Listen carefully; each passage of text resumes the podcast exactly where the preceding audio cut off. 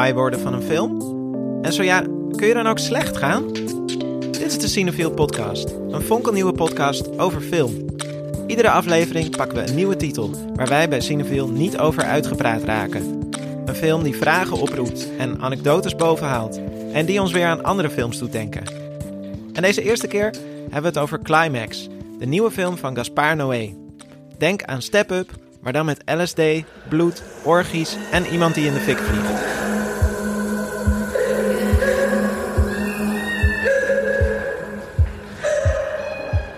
Het is 1996 en we zijn in Frankrijk. Een groep jonge dansers heeft zich teruggetrokken in een soort jeugdhonk, ergens ver weg in de sneeuw, om daar een nieuwe choreografie te oefenen.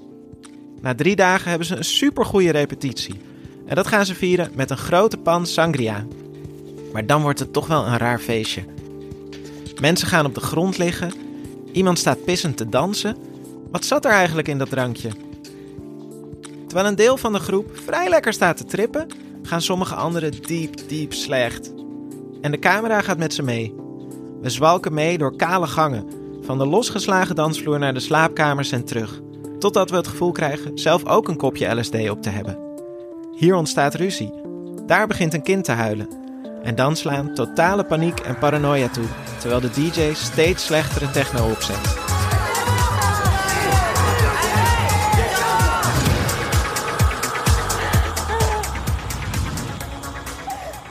Gaan het hebben over Climax.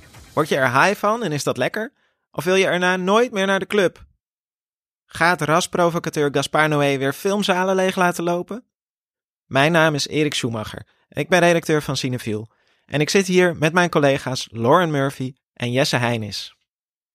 Lauren, kun jij kort vertellen, waar was je toen je Climax zag? En wat deed die film met je op dat moment? Weet je nog waar je was toen je Climax zag? ik was uh, in Sitges, dat is een kleine uh, feeststadje, wel heel toepasselijk onder uh, Barcelona. En daar is een genrefilmfestival, Sitges Filmfestival. En daar heb ik hem gezien om 11 uur s avonds, dus tot een uur of één s'nachts. En van tevoren hadden mensen tegen me gezegd van deze film, die hem al hadden gezien, van je wil naar deze film of naar de club, of huilend in een hoekje liggen slapen. En ik zat daar een beetje tussenin, denk ik. Maar het was in ieder geval op een heel groot scherm met super hard geluid, eigenlijk bijna te hard. Maar dat is wel, denk ik, de omstandigheden waarin je deze film moet kijken, want dat draagt wel echt bij. En Gaspar Noé was weer zelf dit soort van heel droog introplaatje van... Uh, praatje van, uh, nou, have fun. Maar die had wel zijn hele possie dansers meegenomen. Dus ik wilde best wel graag met die dansers daarna naar de club, maar dat lukte me echt niet. Dus uh, dat is hoe ik hem heb gezien. En Jess, hoe heb jij hem gekeken? Uh, ik heb hem thuis gekeken. Zo gaat het soms als je van tevoren een film moet zien voor Cinefiel. Uh, maar ik heb een goede tv en goed geluid. Dus ehm, dat was belangrijk, maar dat had ik. Ik vond het eigenlijk leuker om jou te zien Terwijl jij die film keek op kantoor, op je laptop. Want ik had hem toen al gezien en ik hoorde af en toe wat gegil, zo ah, uit de laptop komen en jouw kaart lachen. Dus het was wel een, een ander, ja. ja. volgens mij hoorde ik ook een oh shit. Ja, ja, ja, ik zat hem dus, ja, ik zat hem dus op mijn laptop te kijken en daar, daar baalde ik inderdaad best wel van. Soms heb je een film die wil heel graag in de bioscoop zien, maar dan moet je maar even op je laptop kijken. Maar alsnog, ja, kwam ik er wel echt uh, helemaal in. Uh, het was ook een moment, uh, toen zat ik op, op drie kwart van de film ongeveer. En dat was echt het moment waarop het in de film ook helemaal slecht ging allemaal. En dus ik, ja, ik, ik, ik zat een beetje naar mee te trippen eigenlijk. Maar het was ook het moment, het is heel stom, waar, waarbij, waarop ik even gewoon wat soep moest halen. Want ik moest ook, echt, ik moest ook avondeten. Dus ik moest even snel naar buiten om soep te halen. Dus ik de straat op en het regende. dus ik dacht, nou, ik ren even naar de soepwinkel. Dus ik kom daar, ik kom daar met pomp het hart kom ik daar binnen. En er staat ook in de soepwinkel staat, staat best wel harde house muziek op. En ik sta er zo naar die soep te kijken. En ik merk aan mezelf dat ik helemaal opgefokt en paranoïde daar in die winkel sta. En ik kijk om me heen. En ze mensen rustig een soepje eten.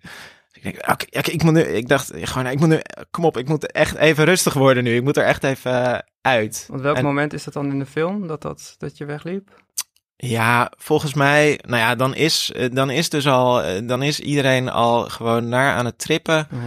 Volg, ja, nee, ik weet het niet, ik weet het niet precies meer. Het was, ja, het was, uh, ja, nee, het ging, het ging in ieder geval helemaal mis. Ja, ja, ja. En, en daar zit je dan, ja, daar zit je dan helemaal in. En dat, dat is voor mij echt het, uh, het, het Gaspar Noé gevoel ook. Uh, uh, ik kan me herinneren dat ik, dat ik Enter the Void, de vorige film van hem zag in de, in de bioscoop. En, en dat was in de winter. En toen kwam ik naar buiten en toen heb ik gewoon een pak sneeuw in mijn gezicht gedrukt. ik gewoon ik wilde er gewoon uit.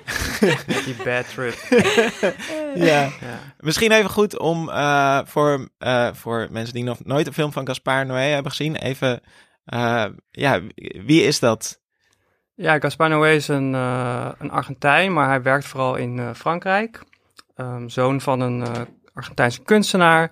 En ja, zijn films worden vooral, eh, behalve geliefd, ook heel erg gehaat. Hij is iemand die nogal eh, wat gewelddadige dingen wil laten zien, maar ook heel veel seks in zijn film stopt. Die film Enter the Void, die jij nu noemt, daar zit onder andere een moment in. Het gaat over een, een jonge drugsdealer wordt neergeschoten en die die komt dan volgens als soort geest boven Tokio te zweven en herziet zijn leven en ziet hoe het verder gaat met zijn zus.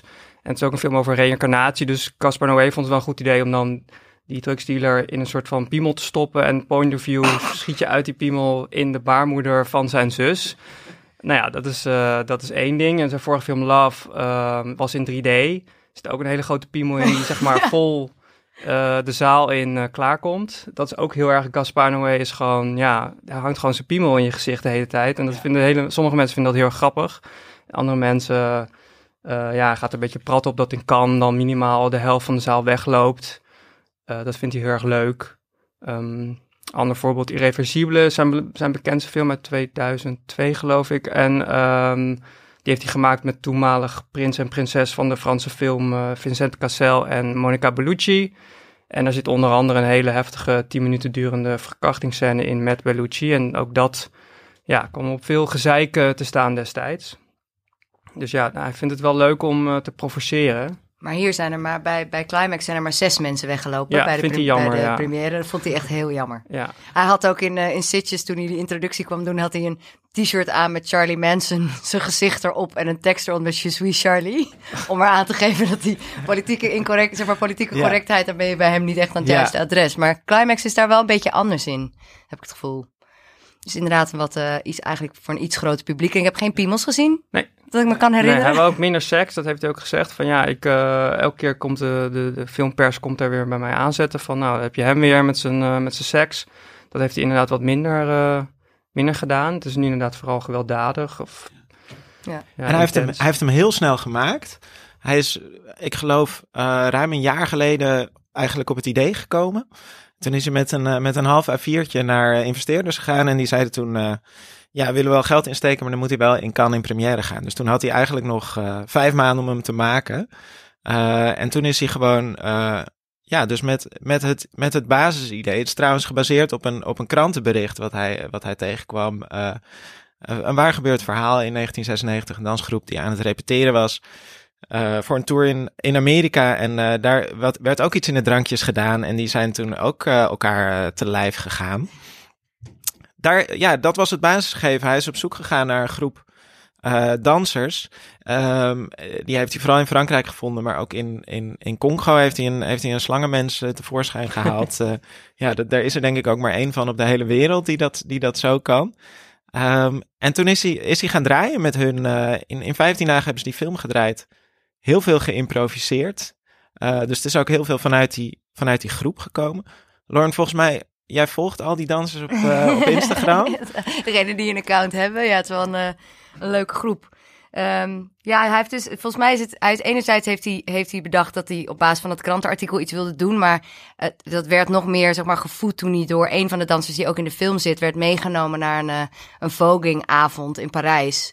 En toen zoiets had van, wat is dit? Hij zei, ik, ik heb nog echt heel lang niet zo'n leuke avond in een club gehad zonder drank en drugs. Dat vond ik wel grappig.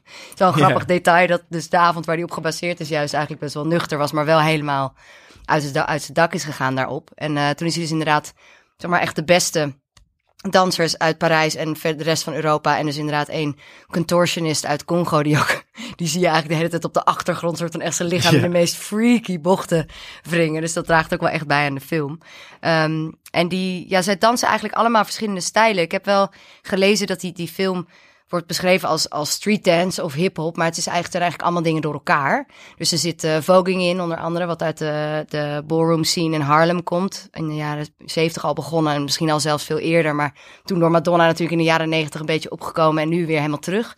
En dat gaat ook heel erg over, ehm, over een soort van je in een andere identiteit wringen en seksen speelt mee en gender. En het is, het is vrij vrouwelijk, heel erg van wordt het Mhm. omschreven. Maar tegelijkertijd heb je ook weer crumping zit erin. Wat ook een eh, Afro-Amerikaanse dansstijl is die juist best wel agressief is. En eigenlijk een soort vechten, maar dan zonder geweld. Dus vechten met dans.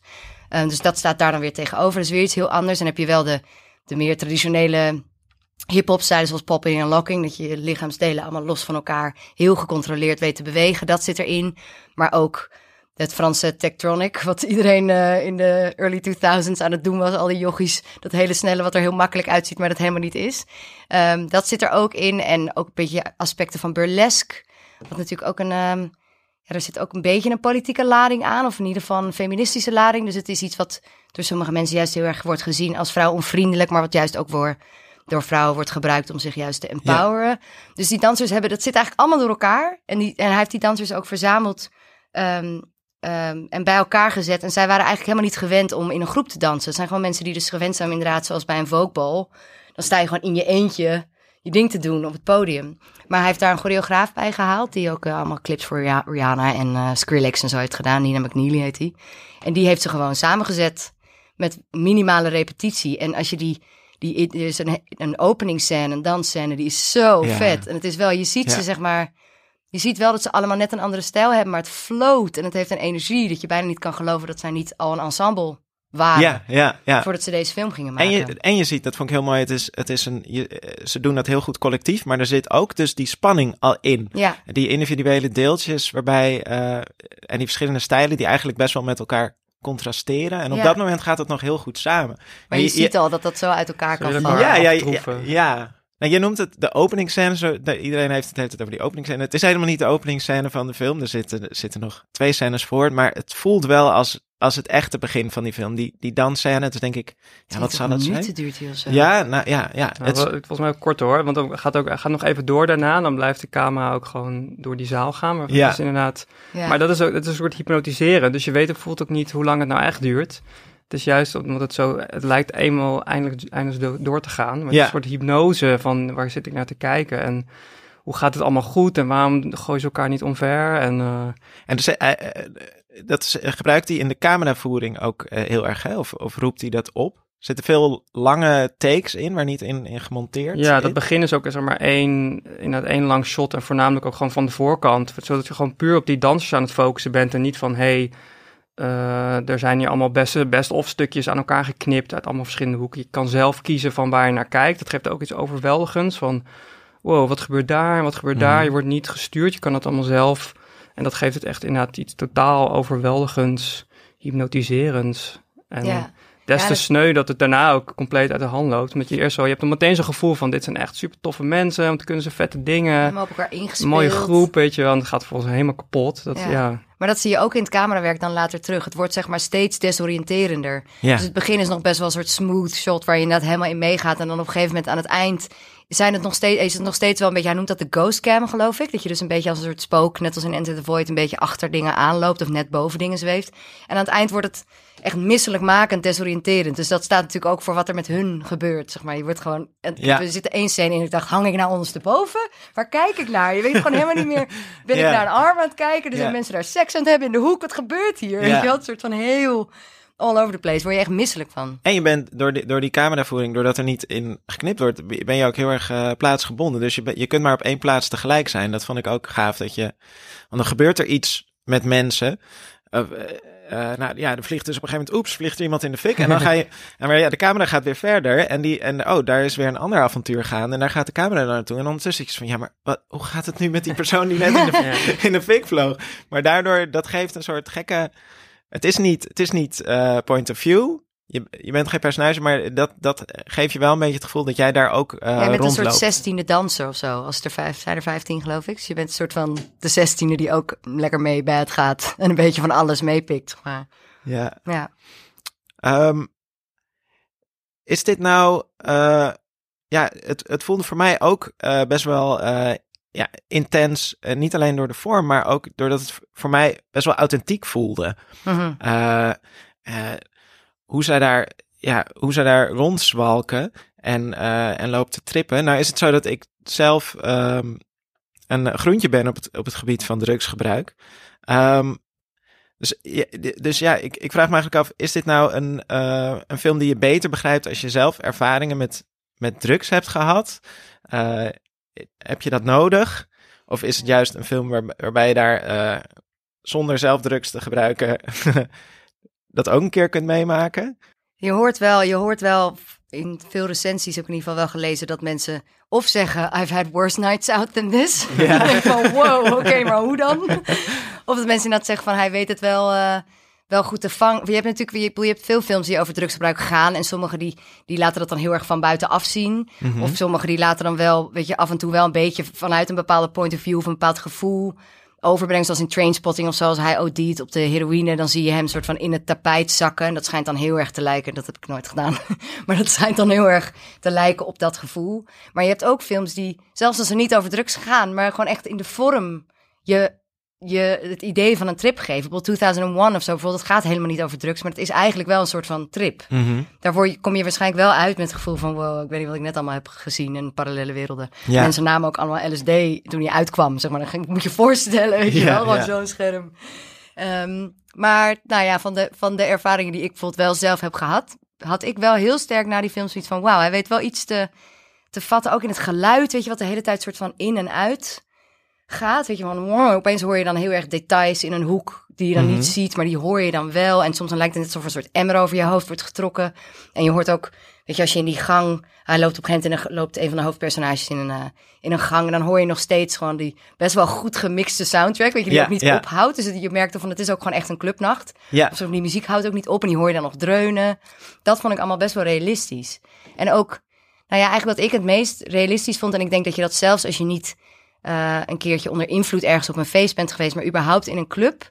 en gewoon het hele, of het hele hedonistische van feesten ook... en dansen en de, de grenzen en zo die daarmee worden overschreden... dat, ik vond dat wat in deze film heel goed wordt gedaan... is dat je het, hetzelfde wat eerst heel hemels en heel mooi lijkt...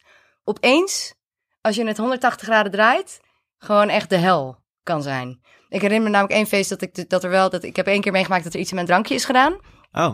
Toen was ik en toen weet ik nog dat ik dacht dat was op de in Thailand op de full moon party. En ik weet dat ik dacht alles wat daarvoor een soort van heel leuk leek werd opeens. Ik dacht ja jullie denken wel dat je een heel leuk feest aan het hebben bent en iedereen is lekker met elkaar in de zee aan het fozen en zo. Maar ik opeens dacht ik dit is gewoon de hel. Dit is gewoon de duivel die jullie laat dansen tot je voeten bloeden, zeg maar. Ik had opeens zo'n zo'n ingeving dat ik dacht van het, het is de flipside, letterlijk. Ja. En dat doet, hij, dat doet hij heel goed. Maar ook op kleinere schaal is dat denk ik zelf als je het niet over heftige drugs hebt. Als je Mhm. net even dat glaasje veel hebt gedronken, Ja. dat je denkt, oh het was zo gezellig. En dan opeens, waar is iedereen? Voel je opeens heel alleen. misselijk. Hoe laat is het eigenlijk? Ja. Weet je, dat, dat had ik, bedoel, ik heb, ben het braafste jongetje van de klas, maar ik ben natuurlijk ook wel eens dronken geweest. En dat gevoel van, dat die desoriëntatie of die, dat moment waarop je als mens een soort van grens overgaat. En nou ja, ik steek dan niet mensen in de fik, maar er kan natuurlijk wel een keer dat je denkt van, oh ja, shit, dat had ik echt normaal gesproken nooit gedaan als ik, als Ja. ik niet had gedronken, of weet je wel. Dus Ja. dat, dat maakt het ook, het is niet een trippy film,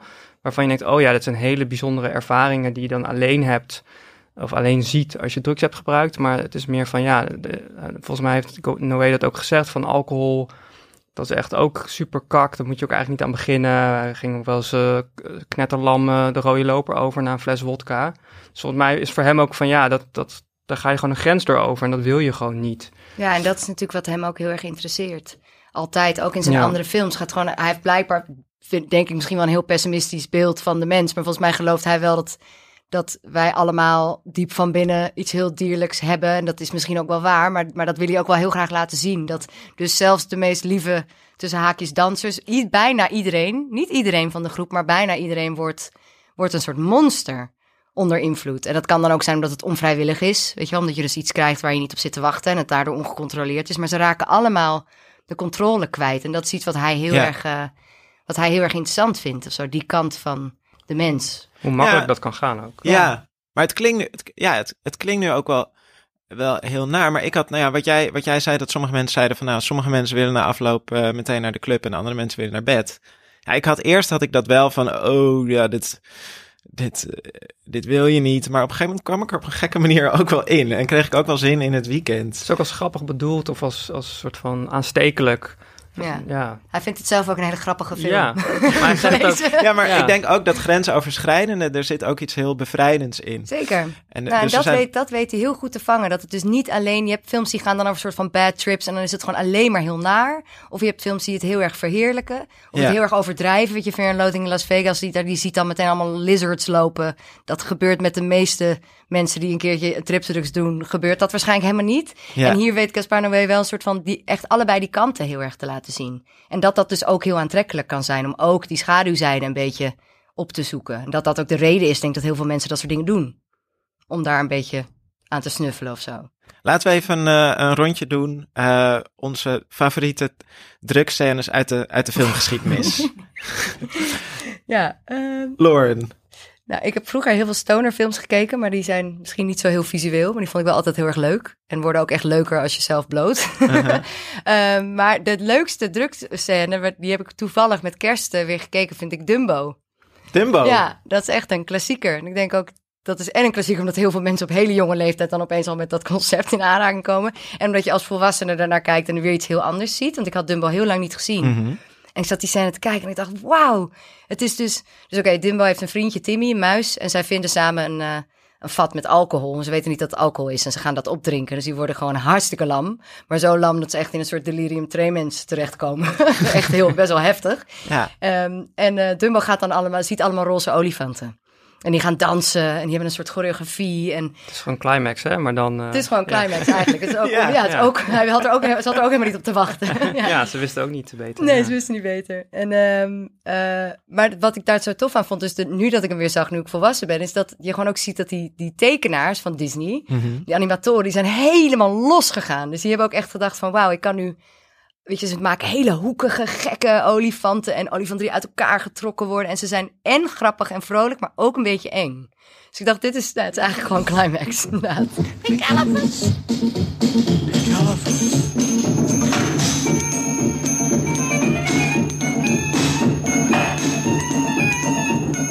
Is het ook eh, een soort van... eh, een, eh, krijgt hij ook straf? Ik bedoel, is het, wordt hij door de film gestraft voor deze ervaring? Ik Is het een waarschuwing? Het komt wel een beetje over als eh, drugs are bad, oké. Ja? Ja. Het is geen leuk... Het is eigenlijk ook een slechte, een bad trip die hij Nou, heeft. is Ja, want ze worden wel vrolijk, toch? eng. Het, ja, het wordt steeds enger. Ja, het begint vrolijk, maar ze krijgen dan op een gegeven moment van die oogjes die zo in een soort amandel, een soort enge duivelsoogjes. En dan denk je, oh, toen dacht ik alleen maar, Ja. wow, niet chill. Gewoon, dit wil ik echt niet tegenkomen. En hij wordt heel lekker wakker, toch? Op, een, eh, op zo'n stroomdraad, toch? Dan wordt hij toch In een wakker- boom. In een boom. Ja, nou ja, dus Oh, het is dat ook, was je gaat er ook van vliegen. Misschien Ja. zit die analogie er ook nog in, toch? Dat ze altijd zeggen dat als mensen paddenstoelen of zo doen, ze dan denken dat ze kunnen Oh, vliegen. ja. Maar Dumbo kan echt vliegen. Ja. Jesse, wat is jouw favoriete drugstrip-scène uit de filmgeschiedenis? Ehm, ja, je hebt heel veel ja, tripscènes waarin heel veel met kleur wordt gedaan en gekke visuals. Maar ik heb gekozen voor een fragmentje uit True Romance eh, met in de hoofdrol een stoner, gespeeld door Brad Pitt. Eh, Lloyd heet hij. En ehm, ja, de stoner is natuurlijk altijd zo'n bloedirritante gast die eigenlijk nooit doet wat je wil van hem of hij vertelt niet wat je wil. En in dit geval ehm, ja, wordt hij opgezocht door eh, de maffia. Die zijn op zoek naar een goede vriend van hem en... Nou ja, hij praat een beetje mee, geeft je eigenlijk niet echt informatie. En dan vraagt hij aan het einde ook nog even of eh, de, de mafioso, gespeeld door James Gandolfini, eh, met hem tv wil kijken. Het is gewoon, ja, de stoner, ultieme stoner. Super irritant. Superleuk. Yeah, well, maybe you can help me. I'm looking for a friend of mine. Clarence Worley from Detroit. He's traveling with a real pretty girl named Alabama. Oh, yeah, man, I know them. They've been by here. You seen them? Mm-hmm. They staying here? No, they're staying at the Safari Motor Motel Inn. Safari Motel. Safari Motel. Yep. How do you know that? I mean, uh, have you been over there? No, well, they were here and they said that they were going to go there. And they went. Yeah. Yeah, Safari Safari Motel. Safari Motel. Uh-huh. Hey, you want to watch some TV or something? They might be back here. No, no, thank you. Thank you. Okay. Ja, en trouwens, de, op basis van deze stoner is de film Pineapple Express bedacht. Van oké, wat, wat gebeurt er als je stoners samenbrengt met mensen met geweren? Wat, wat komt daar dan van? Echt? Ja. Dat vind ik echt een hele leuk film. Ja. Daar zit de epic quote in. Dan zegt Seth Rogen op een gegeven moment... Oh, you're eating couscous. Oh, couscous, the food's so nice, they named it twice. dat is echt een hele stoners. Ja, het is altijd een soort van. Het, het is de, de keuze in films of je gaat uh, mee met de persoon die aan trip is, of je bekijkt van, van buitenaf hoe, hoe belachelijk iemand uh, zich eigenlijk gedraagt. En, en, dat, is mijn, dat is mijn favoriete scène. Dit is uit uh, The Wolf of Wall Street. Als, als Leonardo DiCaprio onder de Quaaludes naar huis probeert te komen. Um, en uh, ik, ja, ik vind dat echt ook een fantastische rol van hem. En daarin zie je ook wat een veelzijdig acteur hij is. Want hij, hij blijkt ook gewoon fysieke comedie heel goed te kunnen. Dus hij, ja, hij moet een stukje van een paar meter afleggen. Hij moet een trap af en dan moet hij naar zijn auto lopen. En hij, ja, hij sleept zich voort. De ene keer doet de ene helft van zijn lichaam het en de, en de andere keer de andere helft. En dan gaat hij met zijn voet gaat hij portier van zijn auto openmaken. En dat is dan zo'n zo'n jaren tachtig auto met portieren die zo omhoog gaan. Dus dan wordt zijn been zo mee, uh, meegetrokken. en, dan, uh, en dan wordt hij opgebeld.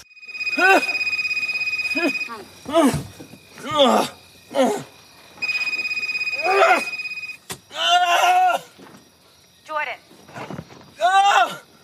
Jordan? Oh, Jesus. Where are you? What?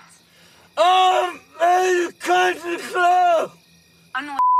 Look, you need to get home. Donnie is out of control. He's on the other line with some Swiss guy. I don't know. Oh, where- get, get him on the phone. I can't understand you.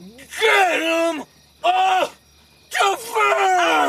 You're saying, Jordan? Can you just get home? Hurry. Ja, dat zijn dus volgens mij dat zijn ook van die Quaaludes die hij dan heeft bewaard in de koelkast. soort van de, de special Quaaludes uit eh, 1984 of zo. Weet je, alsof het een goede wijn is. Goed jaar. ja, goed jaar. 1984, ja. heeft hij bewaard voor een mooi moment. Um, ja, Climax plaatst zichzelf ook heel erg in de, in de filmgeschiedenis en in de literatuurgeschiedenis. Niet zozeer uh, met, met verwijzingen naar dit soort tripscènes, maar er is in het, in het begin krijg je, een, krijg je een shot te zien van een tv eigenlijk in, die in een boekenkast staat. En er staan uh, VHS tapes naast en er staan een aantal boeken.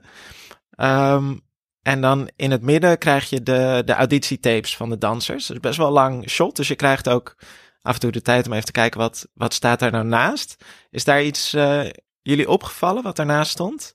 Wat, wat wil hij daar, in welke traditie plaatst hij zichzelf eigenlijk? Suspiria staat er sowieso tussen, volgens Mhm. mij. Ja, ik heb uh, alleen de remake gezien, maar dan krijg je ook al een aardig idee van uh, de heksenkring en het totaal ontsporen met een, met een dans. Uh, dat zit er sowieso in. Ja, en ook dans als een soort, soort uiting van duistere krachten of zo, van bezetenheid. Mhm. Possession, trouwens, bezetenheid staat er ook tussen. Repulsion ook, toch? Repulsion ook? Toch? Oh ja, dat gaat dus natuurlijk ook. Ja, dus mensen die gek worden of Possession zit zelfs een echt een letterlijke. Ik ben nu even vergeten wie de regisseur van Possession is. Zawalski? Ja, dankjewel. um, er zit volgens mij van, met Isabel Adjani ook een scène in Possession dat ze helemaal een soort van writhen is dan het Engelse woord waar ik op kom, maar echt een soort van de, de lichaam en helemaal, en dat, dat zit in deze, in Ja. Climax zit dat ook letterlijk. Sofia Boutella, die uh, ongeveer de enige echte niet-professionele danser is die erin speelt, maar wel heel veel danservaring had. Maar die, um, we volgen eigenlijk in, in, in Climax volg je eigenlijk vooral haar. En het moment dat bij haar echt die LSD helemaal slecht gaat en inkikt, dan ligt ze op een bank. En dan is ook, dat is bijna een mooie choreografie of zo die ze laat zien. Maar ze raakt dus ook gewoon helemaal bezeten.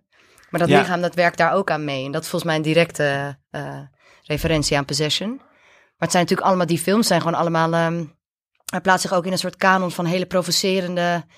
Salo staat ertussen. Ja, Salo, die heb ik ja. niet gezien. Maar dat is natuurlijk de grootste provocatietitel ooit. Ja, een Chien Andalou van Buñuel. Met dat beroemde shot uh, dat er zo'n scheermes in een oog uh, ja. gaat. Precies, ja. Dus nou ja, ergens denk ik van is het niet dat hij niet alleen wil zeggen: ik heb een provocerende film gemaakt, maar ook van ik durf me ook nog eens met hun te meten. Ja, dat is het ja. ook. Een soort van middelvinger van ik mag mezelf in dit rijtje zetten, wat ook wel voer voor discussie is. Ja, Van, is dit even goed? En wauw, dat je dat durft te zeggen van jezelf. Maar er staan ook wat boeken. Ik weet alleen niet meer precies. Precies Ja, welke. Nietzsche, Nietzsche, zag ik staan. Nietzsche, Bataille. En wat is Dus- Bataille ook weer? Ja, dat, dat, dat, ja, dat, is, uh, ook, uh, dat gaat ook allemaal over perversiteit en uh, transgressie. En Ja. daar meer ook een beetje de psychoanalytische kant op. Mhm. Ja, dus nou ja, dat zit, dat, dat zit er natuurlijk wel heel erg in. Hij hij gelooft volgens mij wel dat als je dus die, die bovenlagen van superego en ego wegstript, dan zijn we gewoon een soort van dieren die, die alles laten gaan. Ja. En dat, dat gebeurt letterlijk. Is het uiteindelijk nou zo'n provocerend film eigenlijk, Climax? Ik vind het wel meevallen. Zeker als je zijn andere films ziet. Ik kan me voorstellen als je nog nooit een film van Noé hebt gezien, dat je dan wel even schrikt als iemand een mes in zijn buik krijgt. Of de- ja, er Mhm. wordt wel iets met, eh, met kinderen en moeders gebeurt er wel wat. Maar als je het vergelijkt met zijn vorige films, valt het best wel mee. Het is eerder een soort van anti-drugs, anti-alcohol film. Ja, of pro. ik kan me ook voorstellen dat je denkt, nou... Ja, nou in ieder geval, wat, wat, wat ik las, wat hij er zelf over zei, eh, is, want hij vindt het, hij heeft heel veel drugs gebruikt in zijn leven, hij heeft alles geprobeerd. Maar hij zegt, ja, ik heb wel gezien, ja, je moet wel, je moet het fijn vinden om de controle los te laten. En dat hij dat ook om zich heen heeft gezien als men, mensen die in gevecht gaan tegen de trip. En die dus toch, die dat eigenlijk niet willen, die controle dan gaat loslaten. het mis. Dan Ja, gaat dan het gaat mis. het keihard mis. Ja. Ja, maar nee, ik vond, ik vond het ook niet zijn meest provocerende werk. En ook niet, denk ik ook in wat er nu... Ik probeer even heel hard een titel te verzinnen van een, on- een recente titel die wat mij betreft provocerender was. Het wordt ook steeds moeilijker, denk ik, om Ja. nog ja, dat denk te ik ook. En dit staat ook denk ik nog best wel dicht bij de belevenswereld van veel jonge mensen nu. Ja, Weet je wel, ik denk zoiets als irreversibele, wat daarin gebeurt, dat is gelukkig niet iets wat iedereen overkomt. Dit, sommige dingen in deze film ook niet. Maar we hebben wel allemaal in een club gestaan.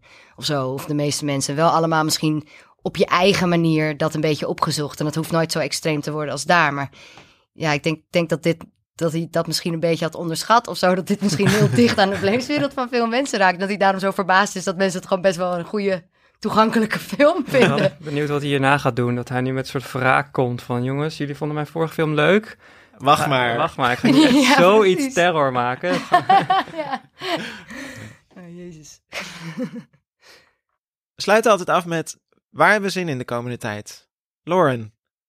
Ja, ik, eh, ik ga de eerste week van februari naar Berlinale. Leuk. Leuk, dat is erg leuk. Dat is het filmfestival van Berlijn. En dat is een soort van de ultieme tegenhanger van Cannes in alles. Nou, niet eens in de programmering, want het is best wel groot en het draaien veel grote titels. Het lijkt daarin wel een beetje op elkaar, maar het is er gewoon ontzettend koud Ja, in Berlijn ja. in februari. Dus het gewoon een hele andere gewaarwording dan lekker eh, in de zon de zaal uitkomen. Je komt hier echt in de sneeuw en de snijdende wind. Maar dat zorgt er ook voor dat er heel veel eh, in de rest van de stad gewoon heel veel gebeurt. En het is gewoon heel erg leuk om in Berlijn naar de film te gaan. Want zij hebben daar dus allemaal van die paleizen. Ja, maar echt ja. niet één, maar tien. En dan ook nog twintig kleinere. Dus het vergeleken met een ITVA of IFFR of zo is echt... Het filmfestival van Berlijn is zo, zo tof. Je zit gewoon in een zaal met een soort carré. Zijn allemaal een soort carrés. Ja, maar ook Ja. gigantisch. Gigantisch. 3000, 4000 eh, ja, man. zoiets. Ja. En dan allemaal van die stoelen waar je zo lekker zo in, weet je, waar je in onderuit kan zakken, waar je veel te lekker in zit. Het is gewoon echt film kijken voor gevorderden. Dat is heel leuk. Dus daar heb ik wel zin in. Jesse, waar heb jij zin in? Ehm, ik heb heel veel zin in Vice.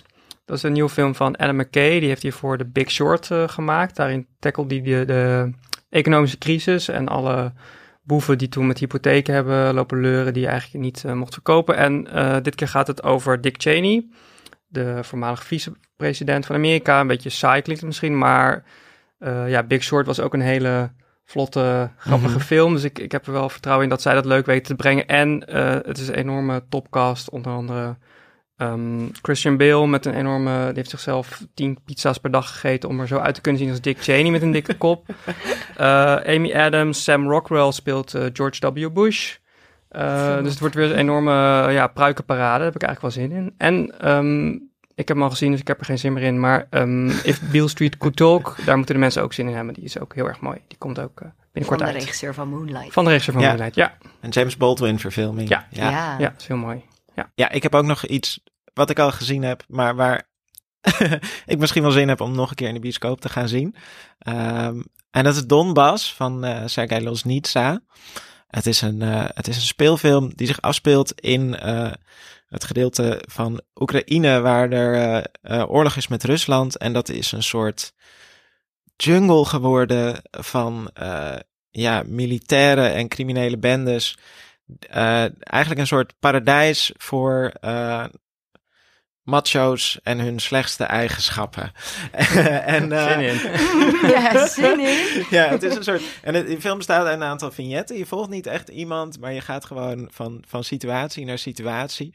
En het is, ja, het is absurd en grotesk en het is grappig. Maar uiteindelijk is het zo tragisch wat daar gebeurt, dat die, ja, die, die humor wordt zo wrang. eh, dat, het, ja, dat, je, dat het uiteindelijk ook echt een heel indrukwekkende film is over wat, wat de realiteit van, eh, van zo'n gespannen situatie eh, daar is. Eh, dus ja, vond ik een super indrukwekkende film. Gaat dat zien.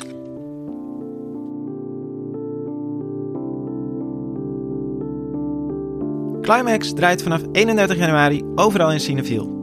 En met je Cinefielpas kun je deze trip zo vaak beleven als je wilt. Over drie weken zijn we er weer. En dan hebben we het over 8th Grade, de debuutfilm van komiek Bo Burnham.